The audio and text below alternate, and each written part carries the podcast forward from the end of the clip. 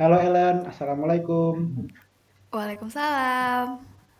Oke, jadi teman-teman semua, kita di sini bakal ditemenin dan ngobrol-ngobrol bareng sama Ellen. Mungkin Ellen bisa memperkenalkan diri dulu, nama, jurusan, dan angkatan terutama ya. Oh ya, oke semuanya. Halo, perkenalin. Nama aku Berliana Arsy Arsyada.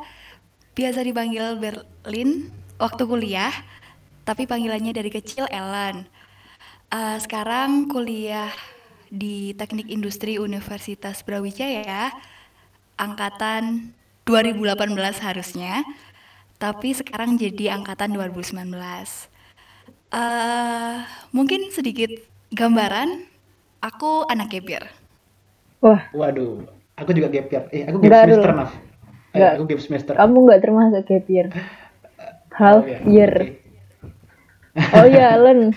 Boleh, boleh. Kan kamu tadi bilang Iya mbak. kamu gap year kan. Iya. Terus ceritanya sampai bisa gap year itu gimana? Kalau ceritanya kenapa bisa gap year? Soalnya dulu dari kecil itu aku pingin jadi dokter. Mm-mm. Terus eh, nggak ada bayangan tuh cita-cita lain, cuma ada dokter doang. Jadi waktu SNM aku milih kedokteran Unpad. Dengan kondisi kayaknya aku terlalu idealis, eh, nggak mikir pertimbangan tahun sebelumnya, terus akhirnya gagal di SNM. Terus lanjut masih ada kesempatan di SBM. Waktu SBM masih milih kedokteran, pilihan kedua juga kedokteran lagi, pilihan ketiga masih dokter gigi. Jadi kelihatan ya seambis apa aku waktu itu nggak mikir peluangnya kayak gimana. Terus ternyata gagal lagi. Ah, sebenarnya masih ada pilihan waktu itu sebelum jadi gap year. Ah, karena dulu waktu SMA sempat menang lomba di teknik ITS, terus dapat free pass di teknik. Cuma karena sesuai prolog aku tadi, aku nggak pingin teknik. Aku juga waktu itu punya stigma eh, kayak teknik nggak deh gitu. Pokoknya bukan aku banget. Terus akhirnya ya udah aku memutuskan buat gap year. Sayang sekali ya, Rul ya. kamu, oh ya sayang sekali. Free pass ya. masalah sih, aku juga, aku juga health year. eh. Nah, berarti kan kamu berpikir kalau awalnya, oh enggak, enggak sombong itu bukan hal yang sombong kan. Jadi lambat kuliahnya nih. Nggak. Teman-teman udah mau, udah mau skripsi, udah daripada nikah gitu ya. Ini masih ospek-ospek. Kamu pengen nikah dulu. Nah, eh, belum belum. Mungkin Ellen kayaknya udah mau nikah nih. Amin. Tunggu Oh, undangannya udah ya di sini. Alhamdulillah Oke, di sini kita dapat teman. ya. Oke, Len. Tadi kan Ellen bilang kalau sebetulnya nggak ada rencana untuk gap year dan juga anti banget nih sama teknik. Padahal ada kesempatan buat masuk teknik. Tapi pada akhirnya malah masuk teknik. Kayak gimana Iya. sih perasaan dan apa yang dipikirkan?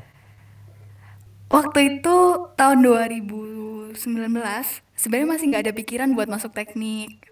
Cuma karena di les-lesan itu dari beberapa kali hasil tryout, eh, kan ada kabar tuh kalau yang diambil dari diprioritasin dari nilai yang tertinggi itu matkul apa. Akhirnya eh, dari les-lesan ngusulin buat ambil teknik deh. Seenggaknya pilihan kedua. Eh, terus karena aku mikir ya udahlah pilihan satu aku tetap jadi dokter. Pilihan kedua karena ini udah tahun kedua jadi lebih santai. Ya udah nggak apa-apa deh aku ambil teknik. Cuma ceritanya tuh aku telepon teman aku di UGM, eh di ITB waktu itu. Eh, aku tanya teknik yang paling perempuan apa ya? Gitu. Terus jawabannya teknik industri. Akhirnya Wah, padahal harusnya ambil teknik industri. PWK sebenarnya ya, Rul ya. harusnya PWK kalau tadi paling perempuan. Perempuannya paling banyak deh. Iya. Cowoknya cuma Itu dikit. dibohongin temanku berarti. Oh iya, harusnya tanya aku Lan. Tanya yang di UGM. Salah sumber kayaknya. Salah sumber. Enggak. Enggak deh. Sumber, ya. Berarti jodohmu di sana. Jodohnya Tuh, di teknik teknik industri Universitas Brawijaya. Kamu milih dua doang, Len. Eh, kalau tahun 2019 dua aja mbak pilihannya. Oh, iya iya iya. Jadi cuma dua pilihan. Tahun 2018 juga ada dua, nak. Loh, zaman 2017 itu Rul, ada tiga pilihan. Oh iya, iya sorry, ya kan bukan 17. Aku milih, aku kan milih sipil, sipil. Terus pilihan ketiga itu aku nggak ngerti milih apa kan. Tak isi ngawur. Jadi pilihan pertama sipil UGM, dan kedua sipil UB, dan ketiga RC ITS. Lah masuk RCTS lah banget nanti lah. Wow. Agak kebalik. Pilih iya itu sebenarnya pilihan ketiga tuh ya udahlah ngisi aja gitu. Kayaknya nggak mungkin juga kan kalau misalnya Iya, kalau pilihan Iya. ketiga ya, Mbak. ya. Aku malah SBM cuma nulis satu doang, kayak KUGM, sumpah SBM. Gak ada pilihan kedua. Kalau nggak masuk saya. Bagus. enggak, kalau nggak masuk aku udah mempersiapkan rencana lain. Oh, Kayak udah ada plan dan ternak, iya ternak lele dan Ternak lele. beternak BP2T. Enggak lah, Udah siap. Rul ternak iki dah. Unggas petelur. Oh iya, udah siap, udah ada di rumah. Nanti kapan-kapan mampir ke mana kita beternak. Berternak oke, boleh deh. Rul kok ambigu. Ayo beternak. Beternak hewan ternak BP2T. Mohon dijelaskan teman-teman. Ajakanmu lo. Iya, beternak. Ajakanmu lo. Beternak hewan, hewan, hewan ternak ya. Yes, yes, yes, yes. Ada anak kecil di sini ya, tolong dijaga omongannya. Kalian masih di bawah 20 tahun kan ya? Iya, masih 19 Ih, tahun. beneran sumpah, aku asal bener. Gila, di 19 tahun aku udah 20 20 22. 20-an. 20-an. 22 dulu 20-an, kamu. Mbak. disingkat. Iya. 20-an. Terus Len kamu pas 2019 eh pas 2018 kan milih dokter-dokter. Kamu sebenarnya udah ada gambaran nggak sih kayak, waduh aku kayaknya keterima nggak keterima. Terus kalau misal nggak keterima tuh, kamu ada pikiran nggak buat gap year? Dan kamu Rencana takut awal nggak? sebelum hasilnya keluar. Mm-mm. Kalau waktu itu tuh eh kayak aku terlalu berpikir positif kayaknya. Jadi waktu dulu aku mikirnya eh karena aku milih kedokteran, pilihan keduanya kedokteran, Hmm. pilihan ketiganya masih fakultas kedokteran, tapi kalau nggak salah bukan jadi dokter. Aku masih ada pikiran positif, kayaknya aku keterima deh gitu. Soalnya waktu ngerjain aku merasa bisa, sombong. Oh itu nggak boleh sombong itu kalau. Heeh, terus akhirnya eh sebenarnya ada pikiran kalau nggak keterima mungkin masih ada mandiri aku mikirnya kayak gitu sih tapi nggak ada pikiran buat ambil gap year Hmm. gitu jadi year itu kayak sebuah situasi baru yang aku pilih gitu waktu itu. Tapi kamu sempat nyoba mandiri nggak? aku sempet nyoba mandiri. Cuma nggak semua mandiri sih mbak. Aku cuma ambil beberapa aja kayak uner Hmm. UGM terus UB kayak gitu-gitu waktu itu. Terus ternyata belum dapet. Kan waktu itu pakai nilai ya. Oh, bukan tes Bukan lagi. kalau Oh, tes iya. lagi kayaknya UGM sama uner. Kalau UB enggak UB pakai Iya. nilai tapi kamu pas itu udah ada denger cerita-cerita nggak? Misal Syarul kan termasuk gap year meskipun cuma setengah tahun. Terus kamu kayak, waduh aku takut banget kalau misal harus gap year gitu. Waktu itu dengar, jadi dari kakak tingkat di SMA itu sempat dengar kalau misalkan ada gapir-gapir gitu. Cuma aku nggak pernah membayangkan lagi kalau situasi gapir itu ternyata aku ambil, Menimpa. bakal aku Menimpa. ambil. Terus, Jadi kayak, wah aku tiba-tiba gapir. Jadi kan kamu nggak keterima nih. Kan sebelumnya ada pilihan lain setelah, setelah SBM nanti nggak terima. Masih ada universitas swasta atau mungkin ikut pelatihan D1 yang kayak ada beberapa kan ya. Pelatihan-pelatihan D1 atau mungkin kerja atau mungkin nikah dulu malah. Kenapa kamu memilih untuk gap year dari sekian banyak pilihan? eh kalau dari beberapa pilihan tadi, eh kan sedihnya bertahap tuh. Awalnya nggak keterima di SNM. Tapi kalau di SNM tuh masih positif, soalnya masih ada kesempatan lagi. Jadi lanjut ke SBM. Terus SBM, waktu buka pengumuman itu ada bareng sama orang tua. Terus mamaku di kanan cuma bilang nggak apa-apa. Terus papaku di belakang ngelus pundak sebelah kanan waktu itu. Terus eh, waktu itu agak sedih, tapi mungkin detailnya bakal aku ceritain nanti. Eh, setelah ada kabar waktu mandiri, ternyata dari beberapa univ negeri yang aku ambil, ternyata masih belum dapat kesempatan juga. Itu agak galau sih sebenarnya. Kan teman-teman banyak yang akhirnya ambil swasta, terus ada juga yang akhirnya berencana buat ambil cita-cita lain jadi nggak sesuai sama apa yang mereka inginkan cuma mikirnya statement seenggaknya aku kuliah. Terus akhirnya waktu itu aku mikirnya karena emang dari kecil aku nggak pernah berpikiran buat nggak jadi dokter akhirnya aku mikir ya mending aku manfaat eh, manfaatin satu tahun belajar full daripada aku ambil kuliah lagi. Waktu itu terus aku belajar waktu aku lagi kuliah aku merasa kalau aku kayak gitu nggak memanfaatkan waktu dengan baik mungkin nanti hasilnya kalaupun aku gagal ataupun aku berhasil itu nggak nggak bakal maksimal Akhirnya kayaknya year yang paling yang paling cocok sama aku waktu itu di situasinya. Jadi selama kamu gap year tuh kamu ngapain aja? Kalau selama aku gap year, eh, aku ngerasa kan waktu satu tahun ini aku minta dari orang tua juga ya. Ada beban sama tanggung jawab sendiri. Jadi bukan tanggung jawab aku aja buat masa depan, tapi ada nama orang tua. Soalnya kan stigma masyarakat tentang gap year juga nggak terlalu baik ya kalau di Indonesia. betul betul Jadi kayak mungkin ditanyain gitu, kenapa kenapa kok anaknya nggak kuliah, kenapa kok nganggur atau lain hal sebagainya atau mungkin kakakku gimana adiknya kuliah di mana kayak gitu kan. iya iya Jadi waktu itu aku lebih mutusin buat aku ambil les yang bisa aku pelajarin full buat tahun depan. Aku ambil les di salah satu les-lesan di Kota Malang eh buat SBMPTN sama aku ambil les stan di Kota Malang juga tuh buat nyiapin tes tes di tahun depannya. Jadi eh, kalau untuk volunteer atau pengalaman kayak gitu kebetulan aku belum dapet. Cuma mungkin buat teman-teman yang gap year nanti aku saranin nggak apa-apa isi waktu luangnya sambil volunteer juga. Jadi Iya. ada hal baru. biar nggak bosen Nggak ya belajar. belajar oh gitu. Iya, bener-bener. Jadi selama kamu gap year tuh kamu fokus belajar belajar buat tadi untuk tes selanjutnya dan mungkin nambah tes STAN ya tadi. Iya, aku nambah testan juga. Tapi menarik sih yang dibilangin Alam tadi kalau kalau bisa diisi dengan kegiatan positif yang lain kayak tadi volunteer dan lain-lain karena pas udah kuliah tuh kerasa banget kalau kita punya bekal pengalaman yang lebih itu bakal kepake lagi kalau di kuliah apalagi kita mau daftar-daftar untuk internship kayak gitu-gitu. kalau kamu ngapain aja dulu pas itu Kalau aku, aku kemarin kemarin cuma singkat ya waktunya. Jadi Hmm. kebetulan cuman dari aku keluar sampai tes itu cuma lima minggu. Jadi lima minggu itu fokus buat belajar. Iya, lima minggu dulu. tak kira lebih Jadi lama loh. Enggak, makanya kayak wah panik. Apalagi kan kemarin ikut SBM kan yang sebelumnya. Jadi panik banget terus alhamdulillah teman-teman banyak yang support ya. iya. Banyak materi-materi dan support teman-teman. Jadi uh, fokus belajar lima minggu itu tapi setelah tes karena aku ikut tes lain-lain cuma tes itu doang SBM doang setelah tes akhirnya coba mengisi dengan kegiatan yang lain. Akhirnya berdirilah Unlike Studio dan Selamat Pagi Kreatif. Eh termasuk ini ya Rul ya? Ya, keren banget. buku progresku masih di kamu ya? Oh iya Nafila juga termasuk teman Minta yang tolong, kalau dia Dan- dikembaliin. Mas Syahrul tolong. dan oh iya maksudnya dibalikin tumpukan oh soal-soal udah aku loakin Naf udah aku loakin kayak sumpah lumayan dikiloin enggak Oh, parah Canda. sih, Ah, parah. wah, Itu- parah sih.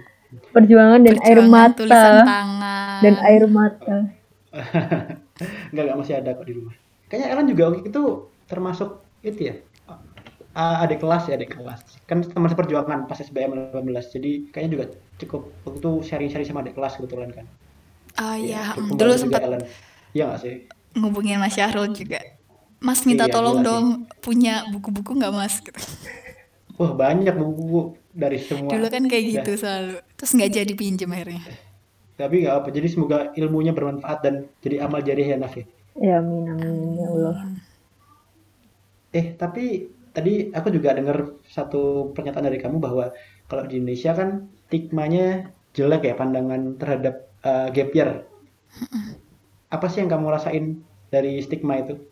Hmm, ada banyak pelajaran yang aku ambil dari stigma itu sih sebenarnya. Apalagi waktu sebelum memulai sama waktu ngejalanin. Mm.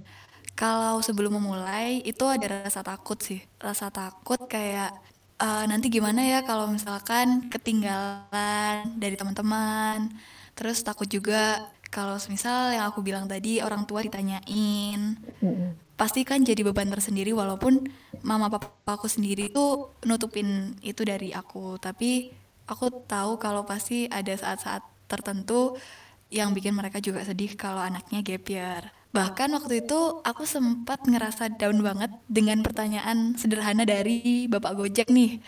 Kayak waktu mau belajar di les-lesan mau berangkat ke les terus aku naik gojek terus ditanyain. Kan biasanya bapak gojek kan ngobrol-ngobrol tuh. Terus bapaknya tanya sekolah di mana dok gitu. Pertanyaan yang sederhana kayak gitu tuh sempat bikin down. Karena aku bingung jawabnya apa. Kayak aku mau jawab gap year mungkin bapaknya juga kurang tahu apa Apa? itu gap year. Kalau aku mau jawab saya nggak kuliah dan saya nggak sekolah, eh, ada rasa malu dari aku sendiri. Jadi aku dulu selalu bilang, iya pak ini lagi nyari. Aku selalu bilang kayak gitu. Terus ya udah kalau waktu jalanin, mungkin kalau ketemu temen sama ketemu guru-guru di SMA ya. Eh, sebenarnya kalau dari aku, aku tipikal orang yang lebih milih orang-orang nggak perlu menjaga perkataan atau jaga etika kalau nggak nyebutin masalah masalah kuliah mereka ke aku. Soalnya kan kalau yang aku lihat banyak dari mereka-mereka itu yang sungkan cerita tentang kuliah di saat Oh. aku lagi nggak kuliah. Itu mungkin buat mereka sebenarnya mereka antisipasi kalau aku takutnya sakit hati atau aku ngerasa down sebelum aku tes. Tapi sebenarnya kalau aku lihat itu aku ngerasa aku kayak dikasihanin Mm-mm. kayak ada rasa sedih gitu kayak nggak apa-apa aku nggak apa-apa aku kuat tapi kenapa aku dianggap lemah kayak gitu tapi aku juga ngerti kalau sebenarnya niatnya orang-orang tuh nggak kayak gitu niatnya takut aku down aja sebenarnya. Itu sih pandangan orang sama situasinya kalau ditanyain tanyain gitu. Beban ini ya, apa dulu namanya? Beban moral, bukan ya? jangan sedih Beban jangan moral. sedih jangan sedih. Ellen Terbawa bahagia Ellen bahagia. terbawa suasana. terbawa suasana. Kita jangan sering terbawa suasana menangis tapi Mas Syahrul. Bahagia kok bahagia. Santai aja nggak apa-apa. Tadi kan perkenalannya aku si anak gap year. Oh iya benar. oh iya Terus setelah kamu menjalani gap year-mu ini, terus kamu kuliah, kamu dapatkan ini nggak? Sesuatu yang misal kamu, wah kalau misalnya aku nggak gap year, aku nggak ngerti ini gitu. Eh, sekarang kalau di posisi kayak gini aku justru bersyukur banget alhamdulillah waktu itu aku ambil gap year. Eh, waktu itu kan nggak ada jaminan sebenarnya apakah aku bakal sukses atau aku bakal jadi dokter. Dan ternyata bener aku nggak jadi dokter. Aku justru dapat eh, ilmu yang sebelumnya aku benci nih istilahnya. Kayak aku nggak pengen masuk teknik ya Allah nggak pengen masuk teknik. Tapi ternyata jatuhnya aku justru masuk teknik.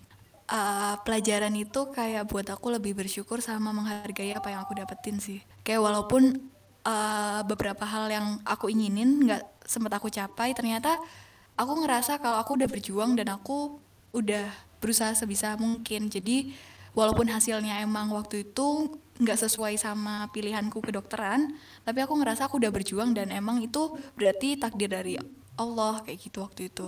Soalnya waktu aku sebelum gap year atau aku kayak gambling gitu ini sebenarnya aku yang bodoh aku yang nggak belajar atau memang ini takdirnya. Aku nggak di- aku emang nggak cocok di kedokteran tapi setelah aku gap year ternyata aku udah belajar aku udah berusaha sebisa aku sebisa mungkin dan sebenarnya nilai yang aku dapat juga nggak eh, nggak jelek. Sebenarnya teman-teman ada yang dengan nilai kayak gitu bisa jadi dokter juga di Unpad gitu di Uner. Tapi ternyata takdirnya aku emang nggak boleh jadi dokter. Jadi aku menghargai proses sih bukan hasilnya. Kayak ada hal yang baru. Jadi kalau memandang kegagalan tuh jadi beda gitu setelah aku nganggur setahun. Nice, nice, nice. super sekali. Sedih. Uh, jangan nangis ya kok jadi yang nangis Oke sekali kata-katanya. Nah, tapi iya sih? Kalau menurutku yang kita rasain ya apalagi yang gagal-gagal gitu eh, sebenarnya gagal itu biasa tapi tekanan paling besar dari gap year itu biasanya tekanan sosial malah ya nggak sih? Kayak dari orang-orang Betul, sekitar yang kurang tahu dengan eh, Iya. prosesnya malah jadi itu menekan kita. Padahal kalau eh, kan juga aku sama Nafila pernah bincang-bincang sama Fadil ya di sambungan kedua episode kedua di podcast ini Fadil bilang kalau sebetulnya Fadil malah lebih lama. Fadil itu gapnya tiga tahun kayaknya. Tiga tahun baru dia kuliah akhirnya. Dari SMP SMA gitu. Eh, dan dia bilang satu statement dia bilang aku ingat banget kalau hidup itu punya jalannya masing-masing kita itu. Jadi nggak usah terlalu tertekan dengan keadaan sosial yang bilang kok umur segini tuh harusnya kuliah umur segini harus kayak gini harus gini. Padahal kita punya fokus sama goal tujuan masing-masing gitu. Malah bener tadi Ellen bilang kayak kalau kita gap year ternyata ada satu hal kelebihan yang kita punya yaitu pengalaman Eh, Memaknai Itu- kegagalan dengan lebih iya. bijaksana. ya itu kata soalnya udah gitu ya Mm-mm. terus mungkin pertanyaan satu pertanyaan yang aku mau tanyain kamu nyesel nggak kalau kamu gap year Enggak. Makanya kalau dari statement orang-orang, dulu waktu kuliah, juga nih pengalaman waktu kuliah, kayak ada beberapa temen yang gap year juga, tapi menutupi itu. Sebenarnya aku juga nggak masalah dengan itu, cuma Hmm. kalau aku, aku nggak apa-apa. Misalkan karena kuliah aku dipanggilnya Berlin, biasanya teman-teman pasti bilangnya, "Oh, Berlin 2018." Beneran 2018. Aku pikir 2019, terus aku selalu bilang, "Iya, aku 2018 aku ambil gap year." Aku bilang kayak gitu sih.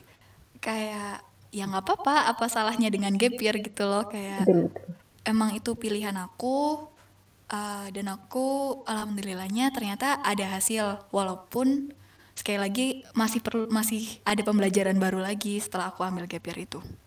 Ya, kami tidak takut dengan gap year. Hashtag kami tidak takut Mungkin- dengan gap year. Iya, apa-apa, Hashtag gap year tidak gak takut dengan apa-apa. gap year. Judulnya tuh udah fix ya. Gap year kami tidak takut. Eh, mungkin terakhir ya, atau mungkin ya kayaknya kok terakhir dari aku. Kira-kira ada nggak pesan-pesan buat teman-teman yang mau memilih gap year? Buat teman-teman yang mau memilih gap year, ada beberapa hal baru. Aku nggak mau ngasih motivasi lebih buat kalian. Karena mungkin kalian juga udah kenyang sama berbagai kata mutiara atau mungkin rasa disemangatin sama teman-teman kalian. Kalau dari aku sendiri, aku cuma mau mengubah perspektif kalian tentang gap year. Kalau gap year sebenarnya kalian tuh punya kesempatan lain. Kayak aku bilang tadi, kegagalan itu keberhasilan yang tertunda. Jadi kalian bisa manfaatin waktu itu belajar lebih, kenal kalian kayak gimana atau mungkin eh, deket sama keluarga kalian atau mungkin kalian juga bisa ambil-ambil pelajaran baru kayak mungkin ikut volunteer atau bisa ikut juga di event-event tertentu internship atau kayak gimana. Kan sekarang juga banyak internship yang nggak hanya syaratnya itu kuliah tapi ada juga yang syaratnya cuma umur. Jadi kalian sebenarnya bisa manfaatin itu. Dan satu pesan lagi walaupun gap year itu ngasih kamu kesempatan aku cuma mau ngasih tahu kalau gap year juga ngajarin kamu tanggung jawab. Kamu harus punya komitmen soalnya jaga komitmen satu tahun buat belajar itu susah.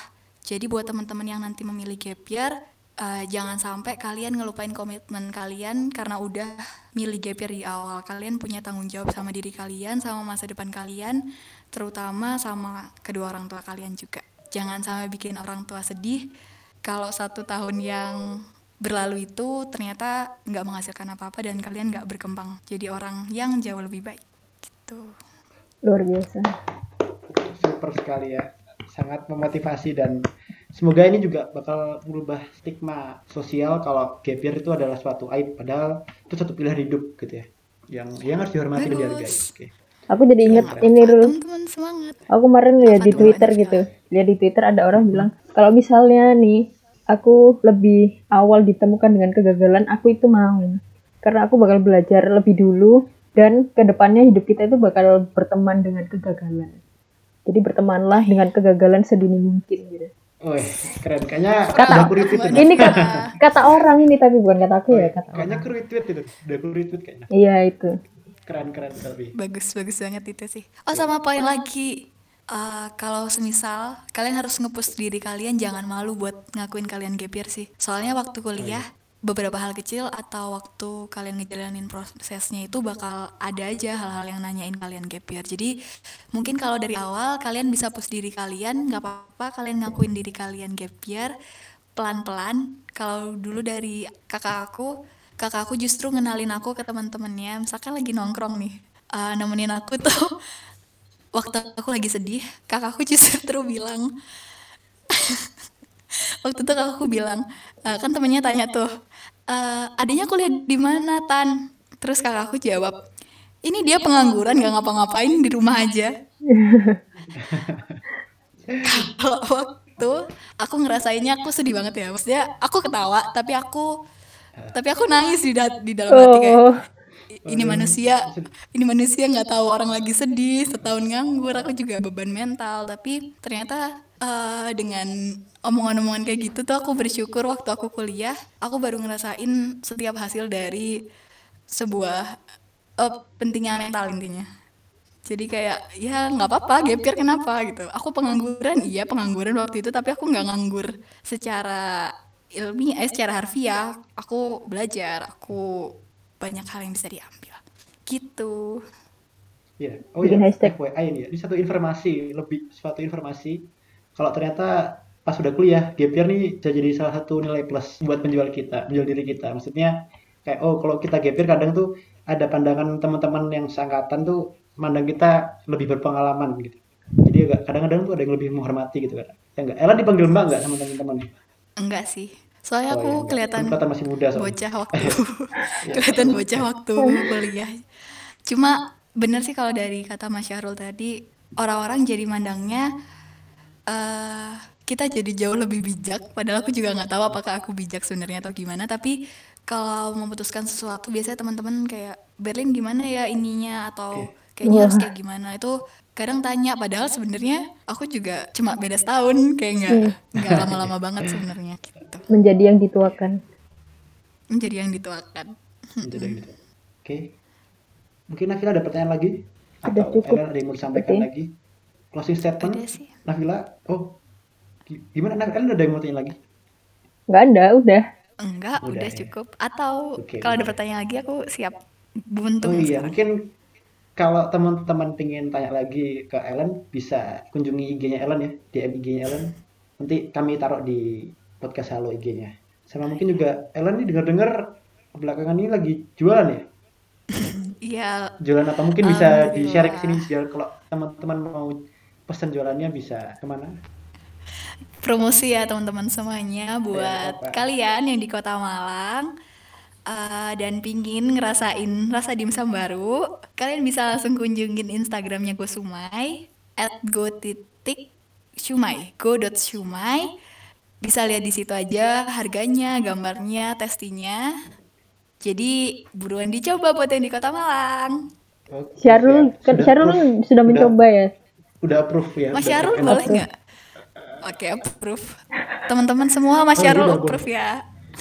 Iya, udah approve approve, sama ya, guys. udah. Bisa dicoba. Nggak dibayar kan Mas? Nggak dibayar? Beli sendiri kan ya? Oh enggak, tapi kalau mau kirimin nggak masalah sih. kirim-kiriman Ya, Amin. kirim-kiriman. Oke. Ya, mungkin segitu dulu pembicaraan hari ini. Terima kasih banyak waktunya buat Ellen. Sukses terus buat selanjutnya. sukses jualan Iya. shumainya Dia juga sama. Ya, udah. Wassalamualaikum warahmatullahi wabarakatuh. Terima kasih Dadah. Ellen dah Terima kasih semuanya sudah dikasih kesempatan. Semangat yang gap year. Oke, buat teman-teman jangan lupa pantau Instagram kami di @podcasthalo O-nya 3 karena setiap sambungan bakal ada recapnya. Sampai jumpa di sambungan berikutnya. Bye.